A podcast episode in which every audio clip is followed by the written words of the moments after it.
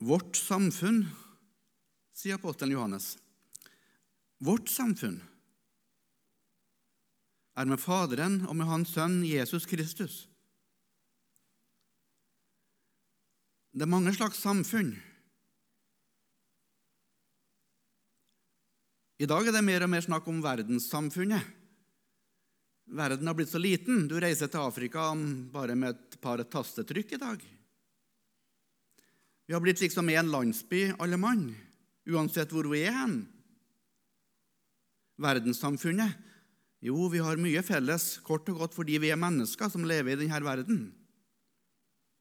Det norske samfunn Ja, vi vet hva det er. 17. mai, i alle fall. Og når det er stafett på ski i Holmenkollen, og det synges 'Seieren er vår', så vet du at du ikke er svenske. Du merker veldig tydelig det norske samfunnet. Og så har du lokalsamfunn, da. Det tror jeg lever veldig sterkt her på Vea. Det er så mye som binder dere sammen. Historia og kulturen og naboskap og skolen og og bygda. Jo da, vi vet hva samfunn er. Og så kan du ha småsamfunnene da, knytta rundt et mannskor eller en sjakklubb eller en traktorklubb eller frimerkeklubb. Det er noe som binder dere sammen. Mange samfunn. Men vårt samfunn, sier Johannes, det er med Faderen og med Hans Sønn Jesus Kristus. Det er der du som Guds barn skal ha din første relasjon. Du kan ikke melde deg ut av verden. Du er en verdensborger. Du er en nordmann. Du er en Karmøybu. Og du har dine små samfunn som du er med i hverdagen. Ta vare på dem. Det er verdifullt, det. Men likevel din hovedrelasjon, og der du først og fremst kjenner på fellesskap og tilhørighet. Det skal være med Faderen og med Hans Sønn Jesus Kristus. Det er samfunnet med stor S. Så det er Jesus som binder oss sammen. Det er ikke først og fremst huset her.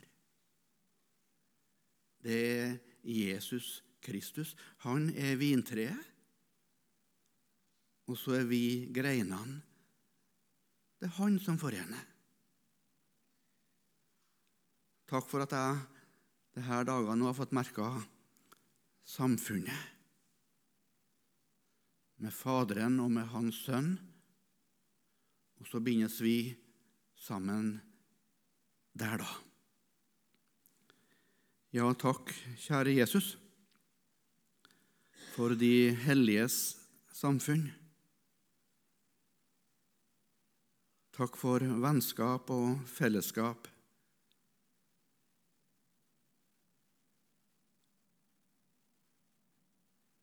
Og takk for alt vi har fått allerede i dette møtet, Jesus. Nå må du velsigne også fortsettelser. Vi ber om det i ditt navn. Amen.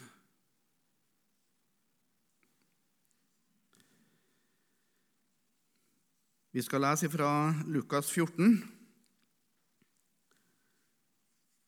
Lukas 14, fra vers 16. Eh, Det er en ganske lang tekst, men vi tar med hele lignelsen. Lukas 14, ifra vers 16, i Jesu navn. Da sa Jesus til ham, det var en mann som gjorde et stort gjestebud og innbød mange. Da tiden for gjestebudet var inne, sendte han sin tjener for å si til de innbudne, Kom, for nå er det ferdig. Men alle som igjen begynte de å unnskylde seg. Den første sa til ham, Jeg har kjøpt en åker og må gå og se på den. Jeg ber deg ha meg unnskyldt. En annen sa, Jeg har kjøpt fem par okser og går for å prøve dem. Jeg ber deg ha meg unnskyldt. Og en tredje sa, Jeg har tatt meg en hustru, og derfor kan jeg ikke komme. Da tjeneren kom tilbake og fortalte, fortalte han sin herre dette, da ble husbonden harm og sa til tjeneren, Gå i hast ut i byens gater og streder, og før hit inn de fattige og vannføre og blinde og lamme. Og tjeneren sa, Herre, det er gjort som du bød, og det er ennå rom. Da sa Herren til tjeneren, Gå ut på veiene og ved gjerdene og nød folk til å komme inn, så mitt hus kan bli fullt. For jeg sier dere, ingen av de menn som var innbudt, skal smake mitt festmåltid. Amen.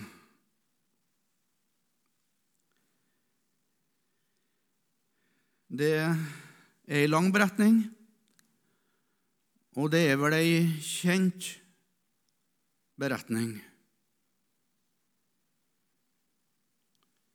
Du har helt sikkert eh, hørt taler over disse versene. Vi skal ikke gå gjennom beretninga vers for vers, men vi skal prøve å stoppe ved tre små uttrykk som vi finner i versene her. Det første uttrykket vi skal stoppe opp ved, det finner vi i slutten av vers 23. Der står det sånn Mitt hus skal bli fulgt. Mitt hus skal bli fulgt.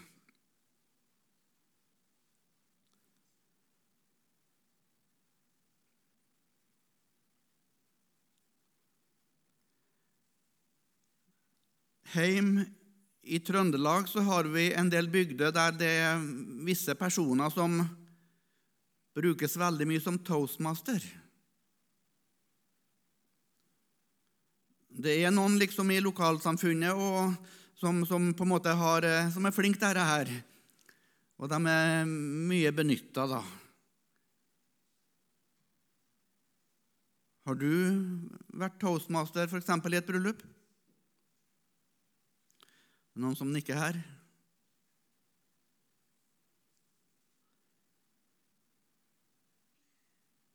Hvis du er toastmaster og du har ansvar for logistikken, da I en så viktig begivenhet som det et bryllup er, da tror jeg du tenker gjennom ting på forhånd. Du planlegger lite grann. Og er det 100 gjester som er innbudt, og festen skal begynne klokka tre, da tror ikke jeg du kommer fem på tre. Jeg tror ikke du gjør det. Jeg tror du vil være ute i god tid. Kanskje du er der allerede klokka ett. Kanskje du var der kvelden før òg og sjekka at det var satt på varme, og at alle frysevarene som skulle tines opp, de var tatt ut av frysen, og ja, du begynte allerede da. Så kommer du i ett-halv to-tida, kanskje, senest to. Så sjekker du toalettene, at det er rent, du sjekker at det ikke er rusk på gulvet, du sjekker at eh, bordene er fint dekt på, at bordkortene er der, at de stemmer, at alt er på plass. Og så vet du etter hvert, eh, når det er igjen en halvtime, kanskje jo, alt er på plass. Ja, nå er det bare å vente. 100 stoler, altså. 100 bordkort.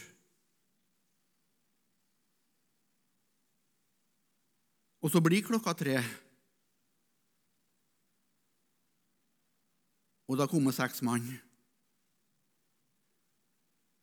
94 tomme stoler. Hva gjør du? Du har ansvaret. Det er opp til deg. Stemmer du i bordverset med seks mann? Jeg tror ikke jeg har gjort det, nei. Jeg tror jeg gått ut på trappa og kikka om det var noen som var på vei inn. noen som var på vei opp bakken. Du venter 20 minutter. Da har det kommet tolv mann. Men ennå er det 88 tomme stoler. Vi skal ikke fortsette lenger langs den linja der. Men vi leser om nesten en sånn situasjon i teksten. Og han som på en måte står der, eller sitter der med ansvaret, han nekter å starte. For han har et prinsipp. Mitt hus, det skal bli fullt. Han går ikke for noe mindre enn det. Det er mange rundt den. Det er mange rundt den i staben som mener ja, jeg tror ikke vi kan regne med flere. Vi har gjort det som eh, forventes av oss, og, og vi har vært rundt og holdt på en del, egentlig. Det ser ikke ut som de er like innstilt på å fortsette innbydelser. Men han som har ansvaret, og han som eier grøa, og han som er husherren og husbonden, han vil ikke start før huset er fullt. Mitt hus, det skal bli fullt. Det er en nød, det er en smerte. Han har eh, gjort så mye, han har ofra så mye, han har slakta. Han har planlagt, han har gjort i stand. Det er hans store dag, det er hans store fest. Og da vil en ikke ha halvfulle hus. Mitt hus skal bli fullt. Og det er en rød, rød tråd i hele Skriften. Vi leser om en som ikke er fornøyd med de 99. Vi leser om en som vil ha alle. Og vi leser om en himmel der det skal være representanter fra alle folkeslag og stammer og folk og tungemål. Og Leser vi litt i evangeliene og leser vi litt i apostlenes gjerninger, så ser vi en veldig brann som husbonden har fått lagt inn i sine tjenere. En veldig brann om at evangeliet må ut. Og du ser en veldig ekspansjon i de første årene. Det gikk ikke mange tiår, så var evangeliet spredt langt utover. Jesus hadde jo sagt det. Dere skal være mine vitner i Jerusalem og Judea og i hele Samaria og like til enden av jorda. Han tegner opp sirklene med sin store passer, stadig videre. Og siste passeren og siste sirkelen, det går helt ut til endene. Så langt. Og vi ser hvordan evangeliet fyller Jerusalem. De fylte byen, står det, med Jesuslæren. Og så kom forfølgelsen, og disiplene ble spredd, og de troende ble spredd i hele Judea. De bar med seg evangeliet i sin hverdag. Og de som har eh, lest mye om den tida her, de sier at eh, apostlene det var ikke dem faktisk som var i fremste rekke med å bringe evangeliet ut. Nei, det var slaver. Det var kjøpmenn. Og det var soldater. Hørte du det? Det var lekfolket. Det var den vanlige kristne mann og kvinne som ble grepet i sitt hjerte, og så bar de nå med seg i sin daglige vandring og i sin daglige ferd. Det var slaver, soldater og kjøpmenn. Jo da, vi leser om Philip og den etiopiske hoffmannen. Han bar jo evangeliet med seg langt ned i Afrika. Og vi leser om Paulus, selvfølgelig. Vi leser om mange av lederne. Og du finner skrifter som forteller om Thomas, som kanskje kom helt til India. Paulus hadde jo planer om et framstøt til Spania. Men det var den vanlige kristne mann og kvinne. En veldig, veldig ekspansjon for det var tent en brann av Gud, ved Guds ord og ved Guds ånd. Og så gikk stafetten. Hva var det for noe? Det var Herrens nød og brann om at Hans hus skal bli fullt. Det var læresveina som eh, var blitt prega av den store mester sin visjon og drøm og nød og smerte. Mitt hus skal bli fullt. Og så ser du utover i århundrene. Jo da, evangeliet kraup nordover og vestover. Og litt østover og litt sørover. Men den voldsomme ekspansjonen som hadde vært i de første årene og i de første tiårene, den eh, avtok. Og så ser vi hvordan mer og mer av ressursene ble brukt på vedlikeholdsarbeid,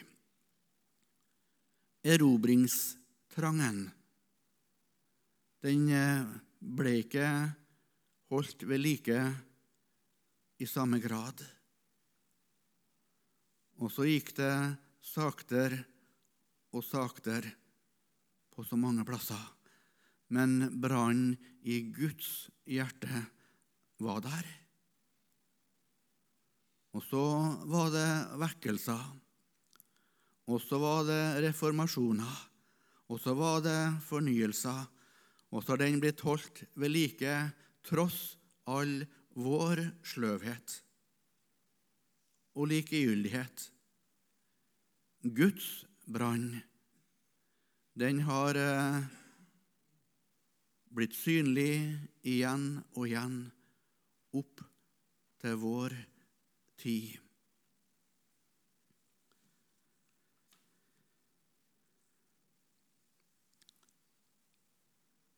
Det andre uttrykket det står i vers 21, midt i vers 21. Gå i hast. Gå i hast.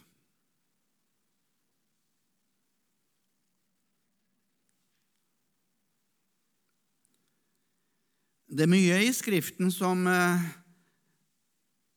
taler om at vi ikke trenger å ha så mye hast. Det sterke ordet fra profetboka sier det at den som tror, haster ikke. Og så får du svar for deg sjøl, men jeg vet i mitt liv så det er mye hastverk som er i direkte frukt av at jeg har lita tru. Og du ser mye av Guds arbeid eh, ble tilsynelatende gjort uh, uten hastverk. Se hvordan Gud skaper. Se på de seks skapelsesdagene. Det er ikke noe panikk, det er ikke noe panisk, men det er en veldig ro. Det er en veldig trygghet. Det går, det går så rolig. Men det er en plan og den framdrift det ville av Han, som er veldig, veldig trygg på sin plan og sin gjennomføring. Når gudslivet leves sunt i hverdagen, så skal vi få gå med hvilepuls i en trygg forvissning om at Herren skal legge til rette, og vi skal få gå inn i det som er ferdiglagt. Vi skal ikke springe foran Gud, men følge Han steg for steg i truslivets langsomme, trygge vandring. Men en og annen plassen i Guds ord så ser vi også hastverket.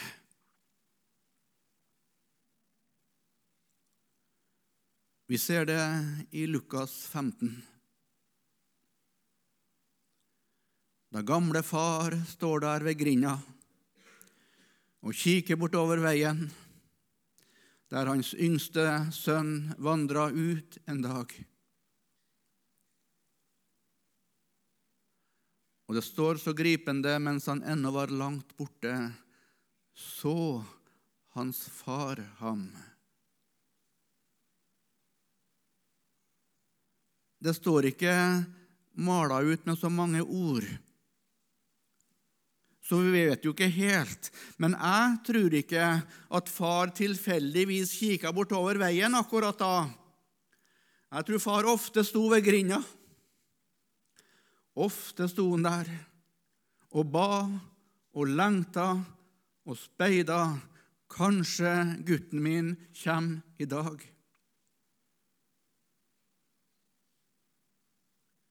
Og en dag så ser han noe langt bort. Han kjenner han på ganglaget. Han er ikke i tvil. Nå kommer han. Hva gjør han da? Han heiser opp stakken, og så springer han, springer han sin sønn i møte.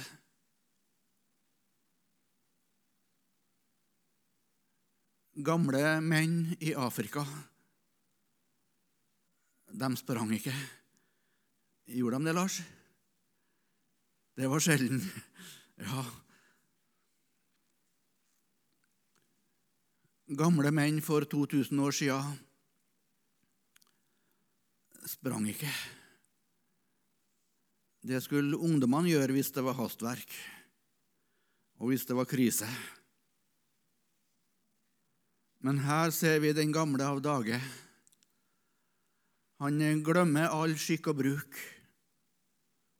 Han glemmer konvensjonene. Han glemmer hvordan han bør oppføre seg. Han glemmer at det er under min verdighet å fære og springe. Han må bare. Han må bare fortest mulig komme i møte, for det er en sønn som eh, er på vei hjem. Der ser du kjærlighetens hastverk. Han fikk ikke tidsnok kasta seg om halsen på sin sønn og overøste den med sine kyss. Og så aner vi litt av dette hastverket også i ordene her. Kristian, du må springe noen gang. Du må gå i hast. Du må ikke tulle bort tida di. Du må forvalte tida di. Og så må du bruke tida di. Og så må du bruke anledningene dine og så må du skynde deg noen gang, for tida er kort, og høsten er stor. Gå i hast, Kristian. Det er ingen tid å miste.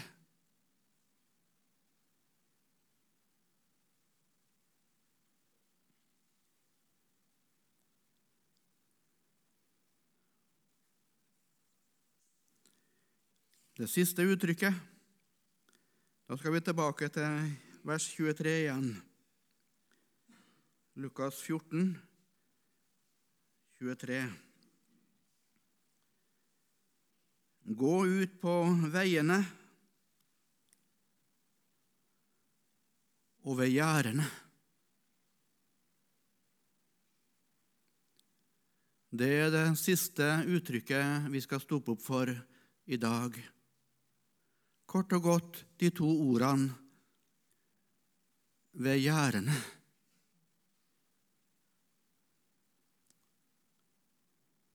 Det er den siste plassen husbonden sender ut sine tjenere.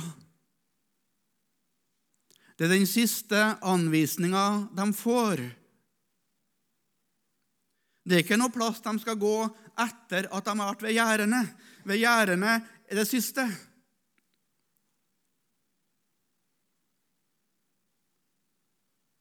Hva betyr ved gjerdene? Hva er et gjerde?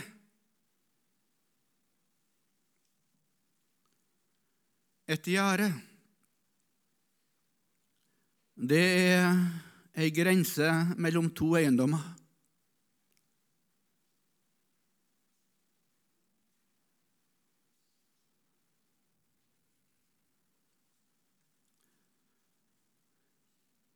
Han farfar hadde en gård ute i Ørkdalen i Trøndelag.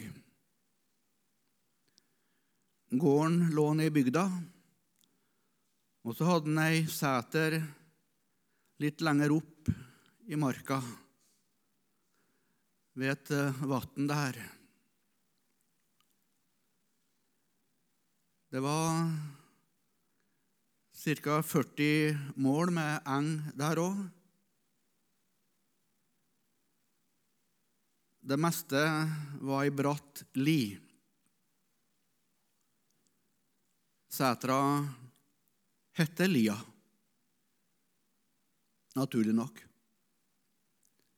Litt flatt ned med husene, ned med vannet, men mesteparten av de 40 målene det var ei li som ble brattere og brattere opp mot skogkanten. Vi var med en farfar og hersa der inne på lia om somrene.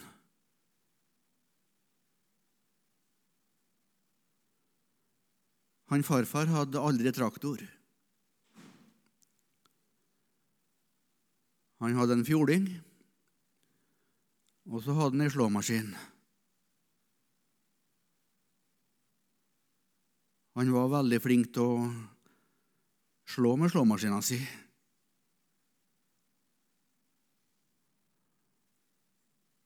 Og det er ikke lenge siden jeg møtte en nabo. Det var jo Det her er jo 50 år siden. Men naboen snakka med en farfar og slåmaskina. Han farfar begynte alltid å slå på det arealet som var flatt. Og så begynte han på lia. Og det ble brattere og brattere. Men han ville liksom ikke gi seg. Jeg greier litt til. Til slutt så lå han farfar på oppsida. Han hadde føttene oppå, oppå setet, men eh, ryggen lå helt ned i bakken for at ikke slåmaskina skulle velte. Og Farmor ville ikke se på hun gikk inn, men vi guttene syntes det var tøft.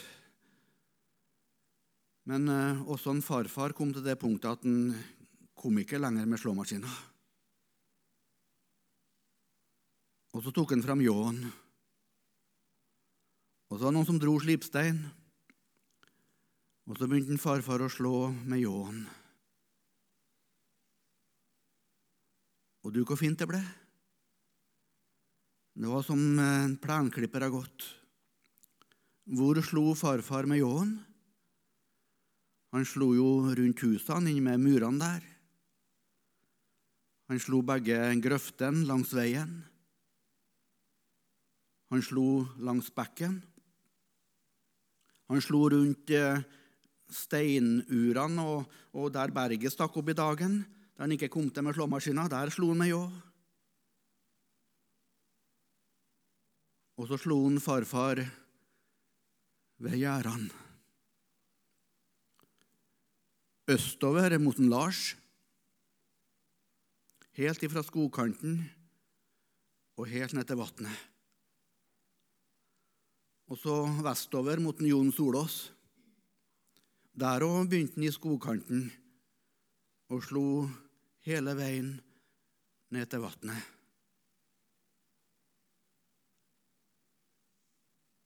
Og vi guttene som ikke forsto så mye, vi sto nå og kikka på det her.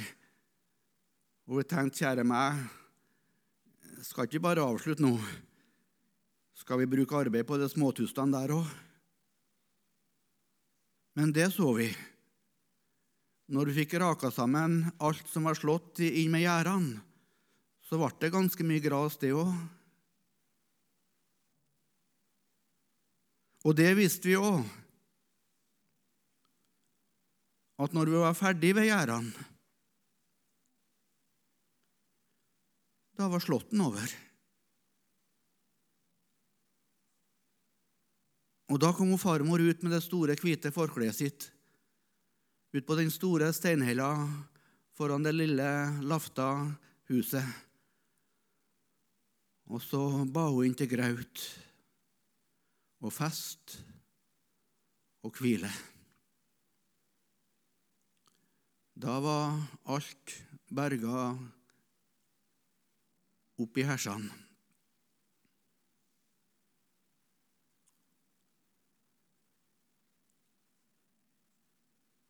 Ved gjerdene.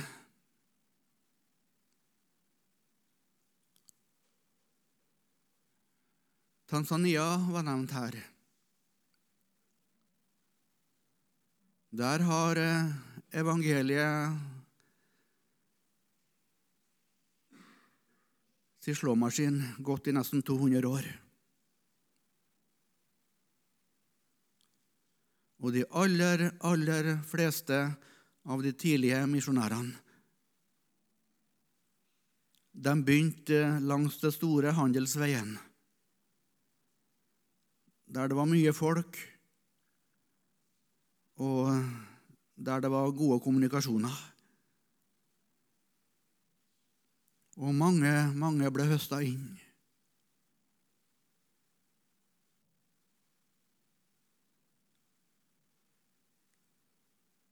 Og så er det i dag kanskje noen lommer igjen, bare. Mange av de lommene, ikke bare i Tanzania, men på verdenskartet, når misjonsforskerne sitter med sin oversikt og, og vet hvor evangeliet ikke har nådd, så er det altså noen hvite flekker, og de kan eh, beskrives eh, i korthet med ordene 'ved gjerdene'. Det er i grenseland. I grenseland inn til de vanskelige områdene av politiske årsaker, av religiøse årsaker, av klimatiske årsaker. Det er vanskelig tilgjengelig. Han farfar ble god og svett han, når han satt på slåmaskina. Men eh, når han har holdt på med ljåen ei stund ved gjerdene, da var han skjortblaut. Da var hele skjorta mørk av svette. Det var hardere arbeid, det.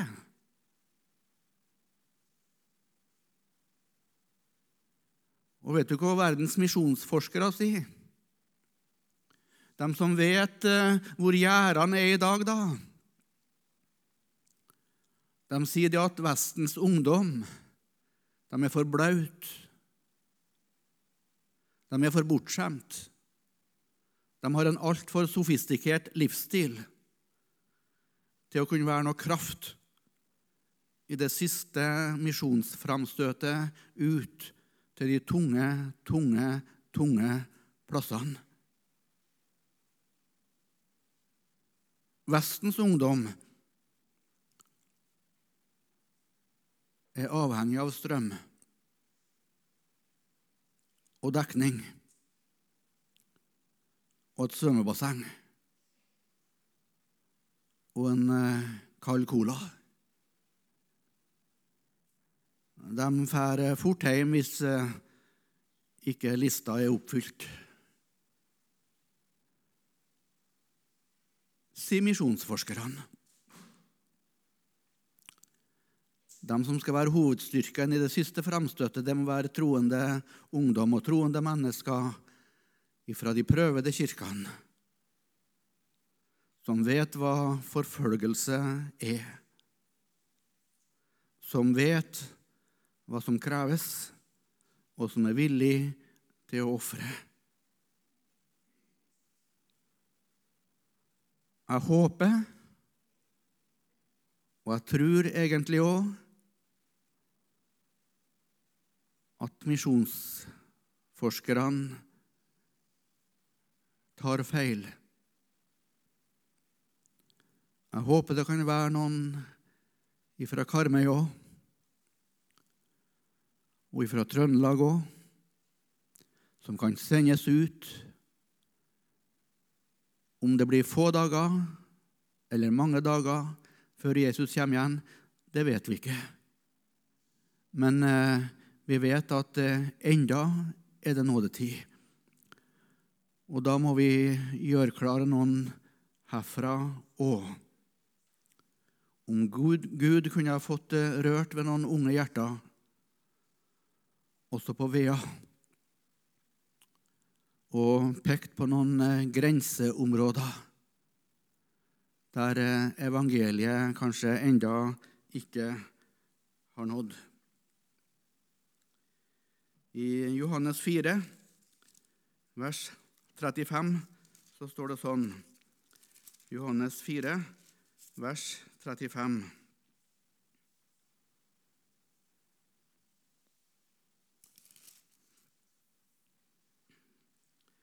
Sier ikke dere at det ennå er fire måneder, og så kommer høsten? Se, jeg, sier dere.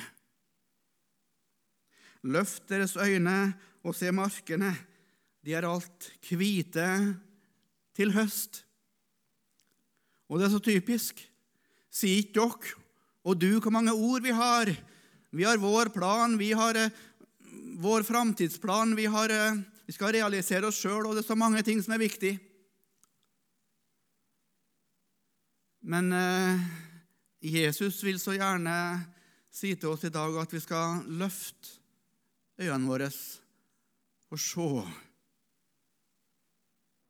Hva er det motsatte av å løfte sine øyne? Det motsatte av å løfte øynene, det er å se ned. Hva ser du hvis du ser ned? Da ser du enten to sko eller ti tær. Du ser den delen av jordkloden der du står. Du ser deg og ditt og dine og de nære ting. Ja, det er hovedansvaret ditt. Skal aldri glemme dem, dem som står deg nær. Men du skal også løfte øynene dine og se langt. Og du skal vite det at eh, markene de er helt hvite.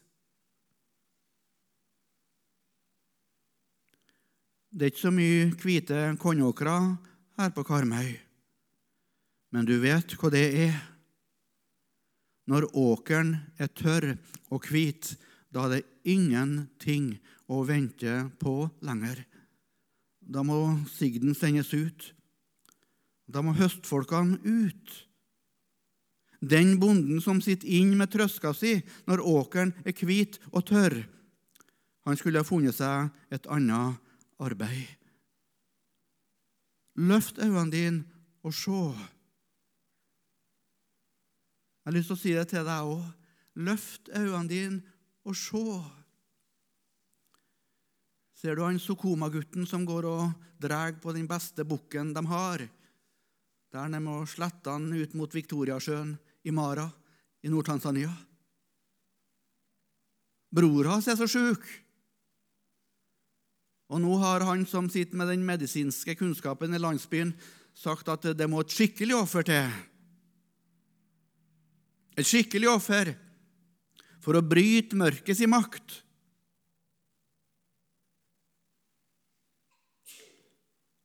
Jo da, han har eh, kanskje hørt om de kristne, men ingen har brukt tid med denne Sokoma-gutten for å legge evangeliet ut for han. At Jesus er sterkere enn Satan, og at det åpna en ny og levende vei ved Jesu lidelse og død og oppstandelse. Løft øynene dine og se. Ser du han dataingeniøren i 20. etasje i høgblokka der i Tokyo? Han ligger på kne foran fedrealteret mens eh, røkelsespinnene dufter. Shintoist. Han har sett et kors borti gata, men han vet ikke hva det betyr. Jesus fra Nasaret, et helt ukjent navn for han. Løft øynene dine og se. Ser du han quechua-indianeren som ligger der på benken, døddrukken av billig maisbrennevin, i Cochabamba i Bolivia? Han er faktisk en katolikk på papiret. Men eh, han vet ikke hva Jesu lidelse og død innebærer. Han har aldri fått det forklart. Løft øynene dine og se. Se langt. Helt ut til gjerdene.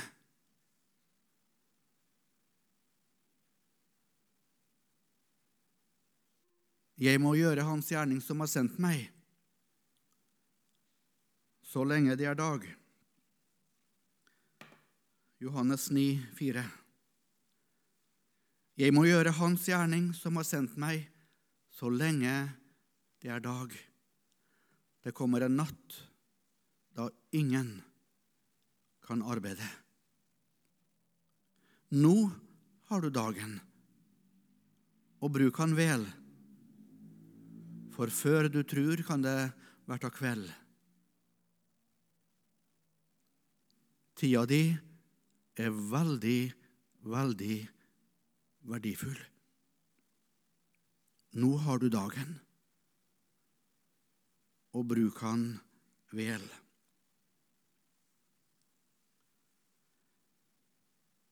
Siste ordet i dag det er fra Romerne 15, 20. Der sier Paulus det sånn Jeg har satt min ære i å forkynne evangeliet, der Kristi navn ikke før var nevnt.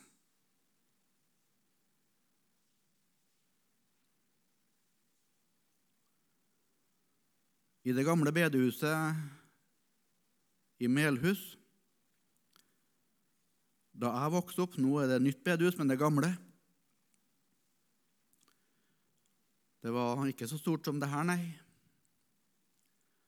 Og stolene var litt annerledes. Det var en midtgang. Og så gikk stolene derfra og helt ut til vinduene på begge sidene. Når det var misjonsfest, så kunne bedehuset være fullt. Hvis det da var servering i et fullt bedehus, så var det ikke plass til bord, heller ikke anretningsbord. Men da sendte de kopper og asjetter inn i benkerne. Har de vært med på det? Ja, det var en gammel måte å gjøre det på. Det fungerte. Og så sendte de matfatene i benkene.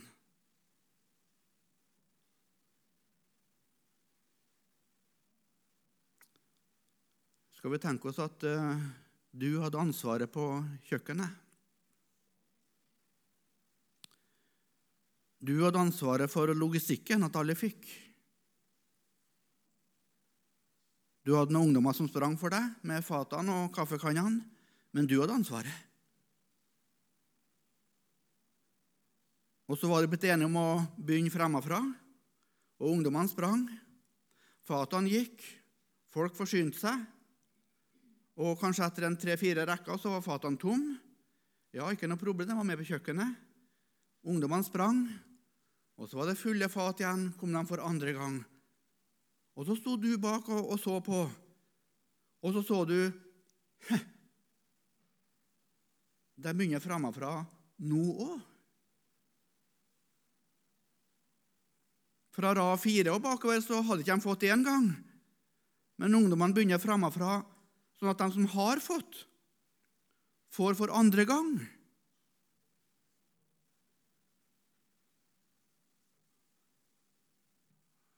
Har du grepet inn?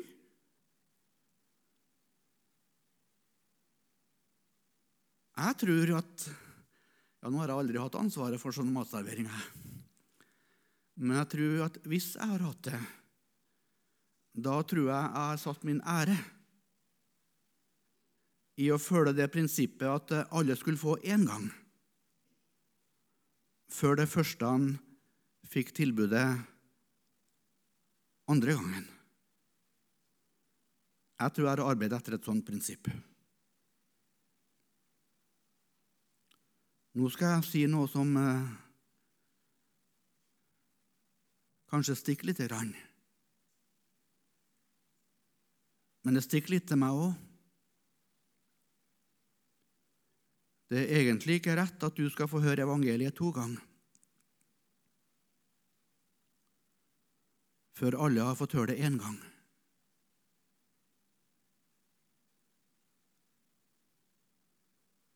Hvor mange ganger har du hørt evangeliet?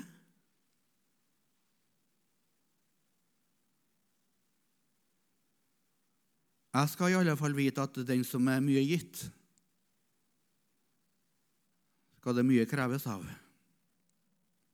Det er et veldig ansvar å ha hørt evangeliet.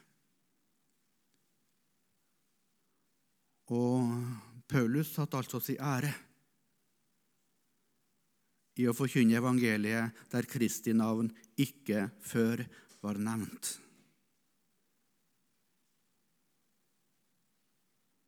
Vi aner noe av gjerdene, gjør vi ikke det? Det er der det siste han er.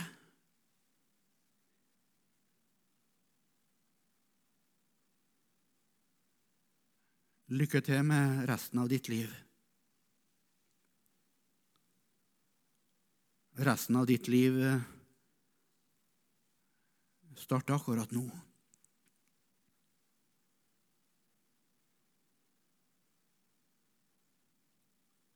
Mitt hus skal bli fullt, sier han. Og så skal du få kneppe sammen dine hender. Og så skal du få be og syng. Gi meg ditt ømme frelsersinn for slektens sorg og harm. Lukk meg i dine smerter inn og gjør meg sterk og varm. Hjelp meg å skue med ditt blikk hvert folk som liv og grenser fikk, og bære verdens nød og skam med kjærlighetens offerbrann til døden. Tro, tålmodig, sterk og fro, altså glad. Det er ikke noe han heller vil enn å dra deg inn i det vare, varme fellesskapet med seg, der du får dele hans nød og få del i hans sinn, og fornyes der igjen og igjen skal vi be. Takk for ordene om det store gjestebudet, Jesus. kongesønns bryllup. Det er veldig, veldig viktig i din tanke. Og så ser du mine tanker. Du ser min hverdag. Du ser mine prioriteringer. Jeg ber om å få leve nær deg, så disippelen kan begynne å tenke som mesteren og bli lukka inn i hans verden og få se ting med hans blikk. Jeg ber om at du skal få din vei og vilje med oss, Jesus. Til ære for deg og til gagn for oss og våre og noen flere rundt oss. Vi ber om det i ditt navn. Amen.